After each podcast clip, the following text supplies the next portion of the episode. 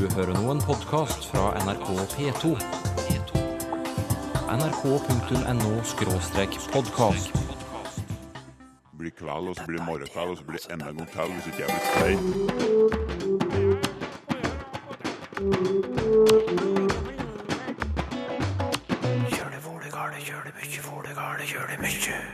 I middelalderen var det vanlig å blande sammen flere språk når man skrev, gjerne i én og samme setning.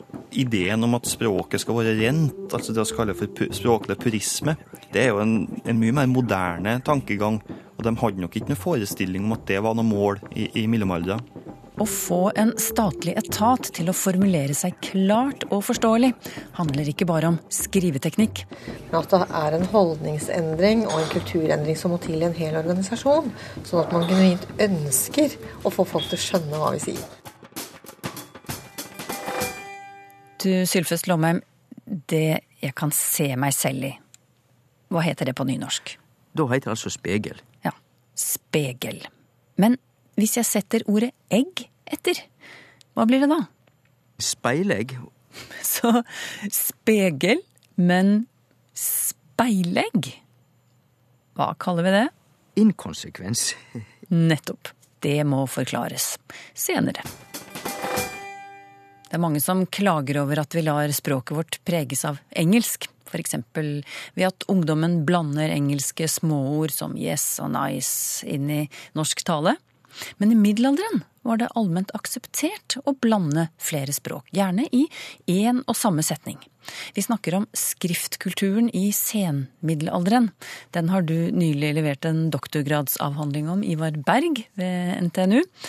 Og vi er altså i det katolske Norge på 1400-1500-tallet. Ivar, i forrige sending fortalte du at latin hadde en selvfølgelig plass i norsk skriftkultur på denne tiden. Dessuten var det altså vanlig å bruke både latin og tysk og det du kaller skandinavisk om hverandre i en tekst. Hva var det for slags fenomen? Det er jo et fenomen som er mest studert for i moderne talemålsdata. Da snakker en om kodeveksling, altså at en kan bytte mellom flere koder. Det kan være forskjellige språk, men det kan òg være forskjellige stilistiske eller geografiske varianter av sommospråk. Dette er jo akkurat det samme som det å finne i skriftlige kilder fra eldre tid òg. Men det er jo en viktig forskjell at eh, skrift er jo stort sett et mer planlagt, et mer planlagt ytring. Og det er mer gjennomtenkte valg ofte. Og det er en tydelig forskjell på formalitetsnivå, sånn at det er mest de mer uformelle tekstene du finner mest språkblanding, kodeveksling. Ja, I hva slags sammenhenger ble språkene blandet? Og da snakker vi fremdeles om skrift. De tekstene jeg har arbeidet med fra 1400-1500-tallet, så er det i, i økonomisk-administrative tekster, kan du si, som eh, jordebøk. Hva var det for noe? Det, Jordbøk var liste over eiendom som hørte store godseiere, opplesting av gårder, og hvor mye hver enkelt gard skulle betale i landskyld. Og så kunne det òg være føyd til opplysninger om hvordan gården har kommet under denne eieren og slikt. Har du noe eksempel på hvordan latin og skandinavisk, som du kaller, kaller det fra den tiden, og hvordan det kunne blandes sammen? Ja, jeg kan ta et eksempel her fra ei jordebok fra 1490-åra. Der er det snakk om en gard som eh, vi Gaute, altså Gaute Ivarsson, erkebisp i Nidaros, fenge av Anund Teiste, litram eius habemos, haver ok Anund. Altså etter snakk om at denne garden fikk en av Anund Teiste, og så litram eius habemus. Brevet hans har, har oss. Og så fortsetter den på, på skandinavisk, da. Hvorfor? det er jo ikke noe spesiell grunn til at en skulle velge latin i en sånn sammenheng, så det forteller rett og slett det at det var helt naturlig for dem som skrev den gangen, å uttrykke seg skriftlig på latin like så gjerne som på, som på morsmålet. Du, du har også funnet fram et eksempel på tre språk i samme tekst. Tysk, latin og skandinavisk. Hva slags tekst er det du har? Det er noe som eh, en finner spesielt i noe regnskapsmanuskript fra 1530-åra. Der kan en se slikt. Og fleste eksempler har jeg funnet i en sånn regnskap for erkebispegården i Bergen fra 1530-åra. Hvis en kan ta et eksempel derifra, da, så er det en innføring om at eh, anno 1536 allting klar gereknet med hans køne det min herre bliver honom skuldig even 100 smalt våge fisk. Her begynner en på Årstallet er skrevet med arabiske tall. Det er jo Stort sett så brukte de romertall, men når du kommer litt utpå 1500-tallet, så kommer de her arabiske tallene inn. Ja. Så har han en lågtysk setning. Og så går han over til skandinavisk med 'Min herre bliver honom skyldig'. Og så akkurat Jeg bruker den lågtyske even. 100 smalt våge fisk. Altså et smalt hunder, det var 100 blank, for et, et hunder var gjerne 120. De skjærer mellom et storhunder og et lite hunder. Eller. Ja. Noen mer, flere eksempler du har lyst til å dra fram? Sånn helt vanlige ord som går igjen, er spesielt eh, latinske item, som blir brukt for å markere nytt punkt i opplesning. Og ellers så finner du òg sånn typisk tidsuttrykk som eodem tempore, Hva betyr det? på samme tid. Så lågtyske ord som noch og entfangen, altså mottide, går igjen hele veien. Og item, det er vel det vi kanskje kjenner som item på engelsk? Ja, det er, det samme ordet. Ja. Og det er sånn helt typisk alle slags opplestinger i mellomalderen, og delvis i brev for å markere nytt avsnitt og sånn, og så setter de inn et item. Ja. Sak eller ting, kanskje vi skulle oversatt det med? Ja, eller punkt, rett og slett, eh, er det jo den betydninga det har i de her opplesningene. I stedet for å sette et strekpunkt eller kulepunkt, så kan du skrive et item. Du var jo så vidt inne på det i sted, denne språkblandingen. uh, Og her har vi fått eksempler på til og med tre språk i samme setning. Hvorfor i all verden? Hvorfor skrive både tysk, skandinavisk og latin om hverandre på denne måten? Det snakkes jo litt om forrige uke, at eh, når geistlige bruker latin eh, seg imellom, så kan det være litt for å markere seg og for å markere identitet og slikt. Men det er jo ikke noe grunn til det her i uoffisielle eh, notat og regnskaper og slikt. Så da forteller det rett og slett det at eh, for dem var det like naturlig. De, de var så inne i, i både lågtysk og latin at det var like naturlig å skrive det som å skrive morsmålet. Og det her ideen om at språket skal være rent, altså det vi kaller for språklig purisme, det er jo en, en mye mer moderne tankegang. Og de hadde nok ikke noen forestilling om at det var noe mål i, i mellomalderen. Du, du har et artig dokument der som handler om mat. Du må fortelle om det også. Ja, i noen lønningsliste som eh, fra 1530-åra og for ansatte ved Erkesetet i Trondheim, så er det på første sida ført opp en del sånn matretter som skulle serveres til de ansatte. Det er jo opplesting, så hvert punkt, nytt punkt her da, er markert med item, som vi nettopp snakka om. Og så er det mange lågtyske låneord i de her matrettene. Du har eh, wildebrad, som er viltkjøtt. Du har eh, gallerei. Det betyr gelé eller noe sånt. Det må være noen slags aspikgreier der her. Og eh, en gastronomisk interessant detalj her er jo at det ene fiskeretten som er ført opp, det er sunnmager og ferske gjedder. Det er Sunnmage er jo kjent på norsk som det er den her svømmeblæra i fisk. Det er Både i Norge og Sverige så er det kjent som matrett i eldre tid. Det heter i eh, ei svensk kokebok i hvert fall fra nokså gammel tid at eh, denne fiskerett som utgjøres av gjellerne på en rokka og torsk, anses av somliga så som en lekkerhet, men med vad sjel lemna vi der hen. Ja, jeg tror jeg hadde stått over hvis jeg hadde fått gjeller og svømmeblære på tallerkenen. Men, eh, men i hvert fall nok et eksempel på hvordan eh, språkene ble blandet i ett og samme dokument eh, på den tiden i senmiddelalderen. Dette her å blande språk på det viset du har gitt flere eksempler på nå, var det noe spesielt for norsk eh, skriftkultur på denne tiden? Nei, tvert imot. Det er noe du finner igjen uh, andre steder nå. Og, det er jo typisk for denne typen uoffisielle eh, dokument, eh, administrative dokument, handelsspråk av forskjellige slag. og jeg snakka nylig med en tysk forsker som fortalte at hun hadde funnet akkurat samme mønster som jeg ser i de her norske dokumentene, i de arabiske dokumentene som mellomalderen som hun har arbeidet med. Men hvilke språk blandet man i andre land, da? Det er jo spørsmål om hva du har tilgjengelig. Eh, Det er gjort en god del arbeid med sånt fra England.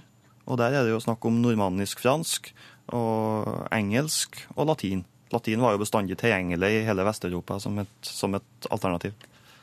Språkblanding, et vanlig fenomen i middelalderens skriftkultur, og slett ikke bare i Norge. Det fortalte språkforsker Ivar Berg ved NTNU i Trondheim.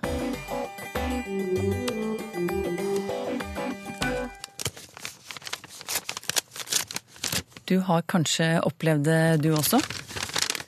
Åpnet et brev fra en offentlig entat, og slett ikke fattet hva de vil deg. Fordi språket har vært så kronglete og vanskelig. Å formulere seg klart og forståelig handler ikke bare om skriveteknikk. Det handler like mye om holdninger, sier Leif Becker Jensen ved Roskilde universitet i Danmark. Torsdag denne uken deltok han på den årlige Klarspråkskonferansen, et arrangement som skal sette søkelys på språkbruk i staten.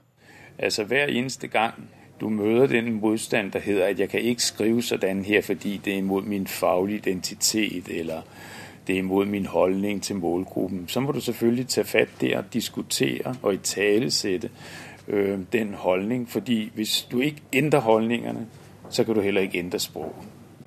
Og på den ene side så har det offentlige jo både den oppgave at være myndighet, men samtidig har man også en serviceholdning, vi er til for borgernes skyld. Og noen ganger kan de jo så komme i konflikt med hinanden. Og så handler det også om øh, ens øh, faglige holdning. Altså alle faggrupper har jo deres eget sprog, som er en del av deres identitet. Altså juraspråket er en del av juristens øh, identitet osv. Så, så derfor, så hver gang at fagfolk de skal endre deres sprog, så føler de det litt som et angrep også på dem selv.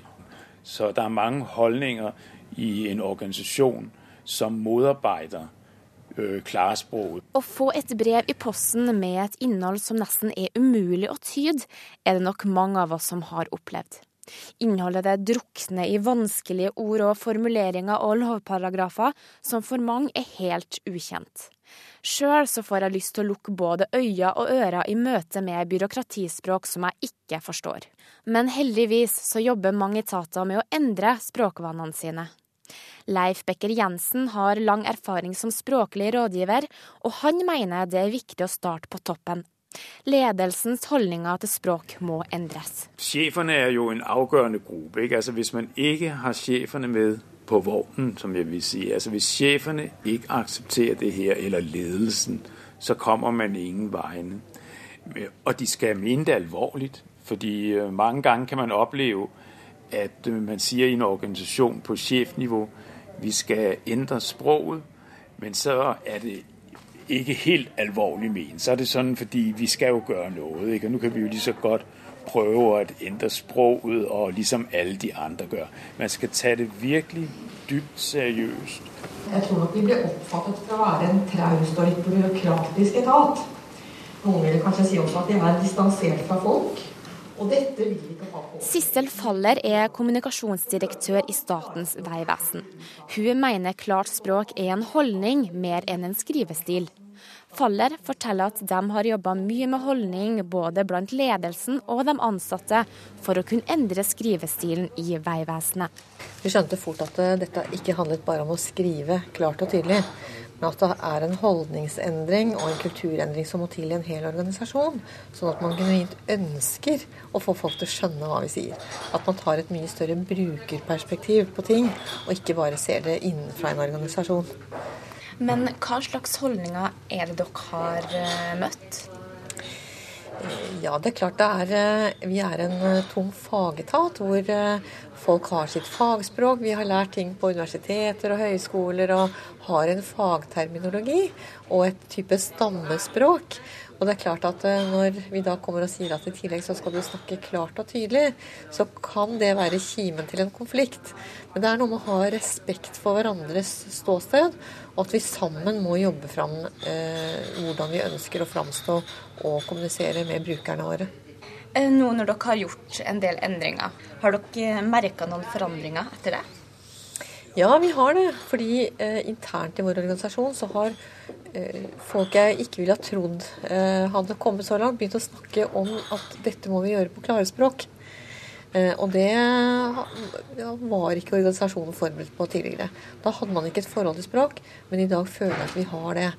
Og at uh, også tunge fagfolk tenker at jeg skal jo snakke med noen brukere som kanskje ikke kan vårt stammespråk. Det høres jo bra ut, men hva tenker brukerne? Hvorfor tror du at noen etater skriver så vanskelig? Jeg tror det har mye med gammel, gammel kultur å gjøre. Ja. Det sitter igjen, og det er vanskelig å endre. Ja, Det har eh, åpenbart med tradisjoner å gjøre. Er, myndighetene har en så lang tradisjon for å skrive på den måten de alltid har gjort. Og det er det man lenge har blitt opplært til. Om man ikke har blitt opplært til det, så er det jo noe man kanskje også selv tenker når man eh, jobber, begynner å jobbe i staten, at man skal eh, uttrykke seg på samme måte som det andre gjør. At man ikke har vært flinke nok til å samarbeide om språk også. Man eh, tror at man må skrive det som står i regelverket, og så er det vanskelig å forstå. Språkendringer hos Statens vegvesen har gitt uttelling. Fallerhue kan fortelle at etter at Vegvesenet endra sine språkvaner, så mottar de 40 færre henvendelser fra brukerne. Eh, for brukeren så så vi at de sparte så mye som 90 uker på at vi skrev tydelig, sånn at de slapp å ringe og, og sjekke selv hva vi egentlig mente. For oss er selvfølgelig det også en uh, god effektivisering, fordi at vi får færre telefoner inn til oss. Uh, og mer fornøyde brukere, og da er alle godt fornøyd. Fornøyde ansatte og fornøyde brukere, det må jo være målet for alle bedrifter. Men å komme dit er ikke bare bare, skal vi tro Leif Becker Jensen. Han mener nemlig at det er vanskeligere å få en person til å skrive forståelig, enn å få han til å slutte å røyke. Ja, det er svært. Altså, vores, øh, vores språk og vores øh, bevidsthet og identitet henger tett sammen. Ikke? Vi bruker språket til mye annet enn å gjøre oss klart og gjøre oss forståelige. Vi bruger også sprog til at vise, hvem vi er, og til at øh, på dansk hedder det blære så lidt, altså øh, vise vores autoritet og sådan nogle ting. Ikke? Sprog er jo også et magtmiddel. Sprog er ikke bare et, et, øh, et middel til å forstå noe. det er også et middel til å utøve makt og gøre noe ved andre mennesker. Har du presentert denne sammenligningen her eh, for noen som, eh, som har prøvd å slutte å røyke? Nei, det tror jeg faktisk ikke. Jeg har, jeg har, jeg har presentert den for meg selv da jeg prøvde å holde opp med å ryke. Klart språk en større utfordring enn røykekutt. Det mente iallfall forsker Leif Becker Jensen ved Roskilde universitet i Danmark. Og så hørte du Sissel Faller, som er kommunikasjonsdirektør i Statens vegvesen. Reporter på Klarspråkskonferansen, Kjersti Havdal. Lytterne pleier iallfall å formulere seg temmelig klart og tydelig når de stiller oss eh, spørsmål, Sylfest Lomheim. Hvor kommer ordet vedtak fra? spør f.eks. Elin Hartveit Wangstad Årskog. Og det er et helt vanlig bokmålsord i dag, og det har det vært lenge, men opphavet til vedtak er selvsagt nynorsk eh, ord. Det er mange gode ord som er historisk sett nynorskord, som i dag er helt gangbare i bokmål. Det er veldig flott. Utan nynorsk stanser bokmål, pla Lomheim sier. Men sjølve ordet vedtak, det er jo å vedta, altså ta imot noe, det å godta det, det er det som ligger i sjølve ordet. Så det er veldig nært eh, også et annet verb, å knesetja, som betyr at du tek et barn og setter det på dine kne, etter gammelt i vikingtida, da har du godtatt å være oppfostrar og ansvarlig for et barn. Da er noe knesett, altså god, godteke. På Facebook spør Finn Skare hva kommer ordet speilegg av? Er det av ordet speil? Og Finn Skare avslutter som den nynorskbrukeren han er. Derfor bør det vel hete spegelegg på nynorsk hvis det kommer av ordet speil? Ja, og Finn Skare har et godt poeng, fordi at egentlig så er dette et tilfelle av en slags inkonsekvens i den nynorske normeringa. Jeg sier ikke at det skulle ha vært annerledes, men, men speilegg Speil der er akkurat det samme ordet som vi ellers når vi ser oss sjøle i spegelen på nynorsk. Da heiter det altså spegel, men ikke når det gjelder egg. Speilegg kjem fra spigelei på tysk. Det, det, da er ordet spigel som er spegel eller speil. Nå er det jo det at um, ordet spegel det betyr ikke bare et, uh, ei flate der vi ser oss sjøl i. Det kan òg brukast om et, ei flate stort sett vi har akterspeil på en båt, ikke sant? Det er jo eh, et flatt stykke bak. Vi har eh, inn, innsetninger i døra som, heter, som er dørfyllinger, som òg blir omtalt som speil. Så utgangspunktet er, er ei flate eller ei plate. Det er ikke nødvendigvis noe vi ser oss sjøl i. Og alt kjem fra latin, naturligvis. Ordet spekulare på latin, som vi kjenner i å spekulere, forresten, det betyr rett og slett å sjå.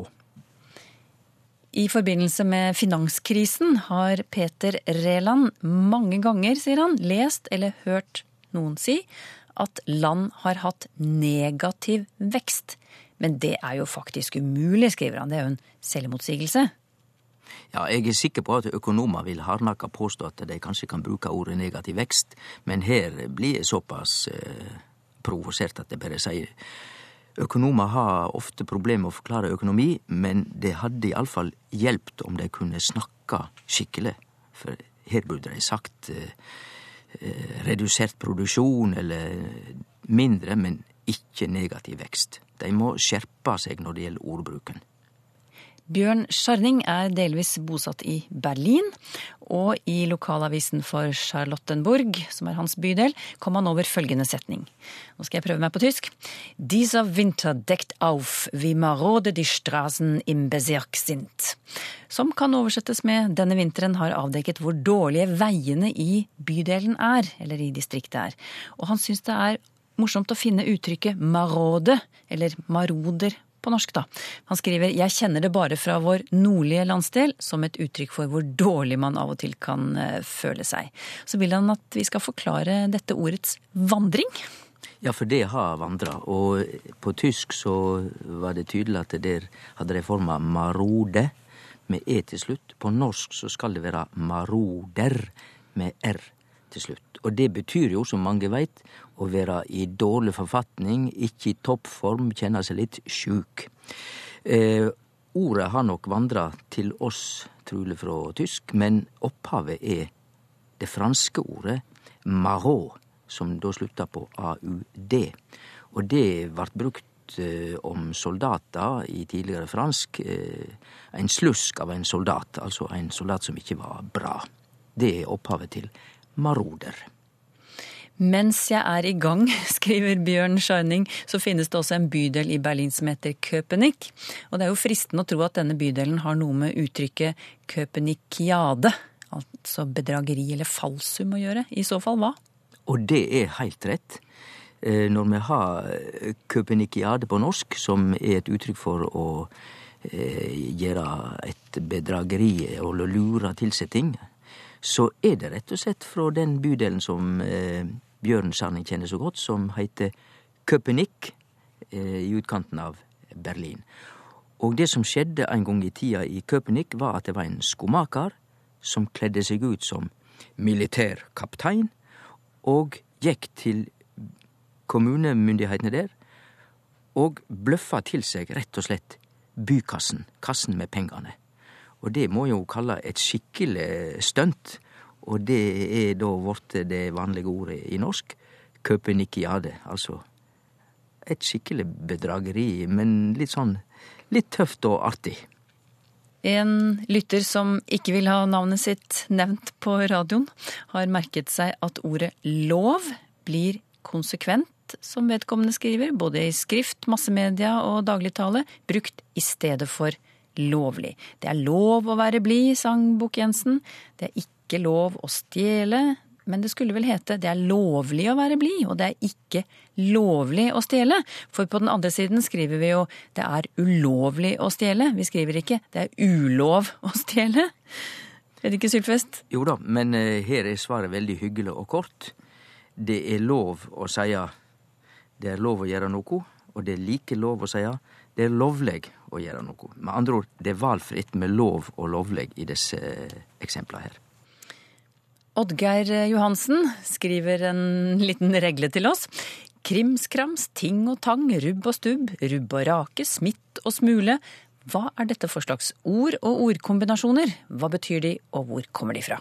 I dette tilfellet så er det ikke poenget at vi skal prøve å finne ut hva rubb og stubb og smitt og smule og ting og tang hva orda betyr. For det går an å finne ei slags meining i det. Ting og tang er jo, det har med ting å gjøre. Rubb og stubb er det som er avhogget. Det står igjen litt. Og smitt og smule er jo sånn småtteri. Heile poenget er at disse orda kjem ifrå kreative språkbrukarar som lever nå, eller som har levd før. Det er altså uttrykk som er laga av kreative språkmennesker, og der heile poenget ikke er den eventuelle meninger som finnes i orda, men rett og slett rytmen og lyden. Det er det som er poenget. Rytme og lyd i uttrykket. Øystein Sunde på Magnor legger merke til at mange bruker verbene påpeke og peke på som synonymer. Dette mener han er feil. Påpeke og peke på betyr ikke det samme, skriver han. Eh, er du enig, Sylfest? Nei, jeg er nok ikke sammen med Øystein Sunde. Men jeg skjønner godt at han eh, stiller det spørsmålet, fordi at det kan være skilnad, men det trenger ikke være skilnad. Altså, det er heilt i orden å bruke peke på eller peike på som et synonym, altså lik tyding med påpeke. Men de som ønsker det, kan jo bruke påpeke i mer overført tyding, og så bruke peke på eller peike på i eh, fysisk, konkret tying. Det, det, går an. Her er vi inne på et felt i norsk verbbruk der vi har løst sammensette verb, peke på, og fast sammensette verb, påpeke. Og der er det slik at det er ofte litt sånn stilistisk skilna mellom de som er fast, påpeke, og peke på, i bokmål.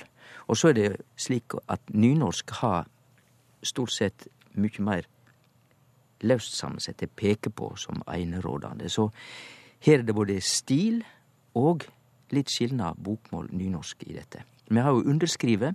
Skrive under vil vi jo si stort sett på nynorsk. Underskrive vil være vanligere i, i bokmål. Men så har vi òg at det av og til er heilt klart forskjell å framkalle Nå er det vel ikke så ofte lenger, men bildet er jo noe annet enn å kalle fram en elev på tavla. Har du spørsmål til Språkteigen?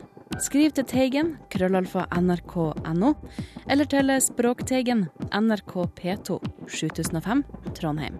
Så finner du oss også på Twitter og på Facebook. Hvordan er det å måtte oversette en roman i turbofart? Jon Erik Bø Lindgren produserte et halvt årsverk på fire uker. Det er betenkelig eh, å gjøre det. Eh, det må jeg si. Jeg hadde noen kvaler, for jeg syns jo ikke at det skal være sånn.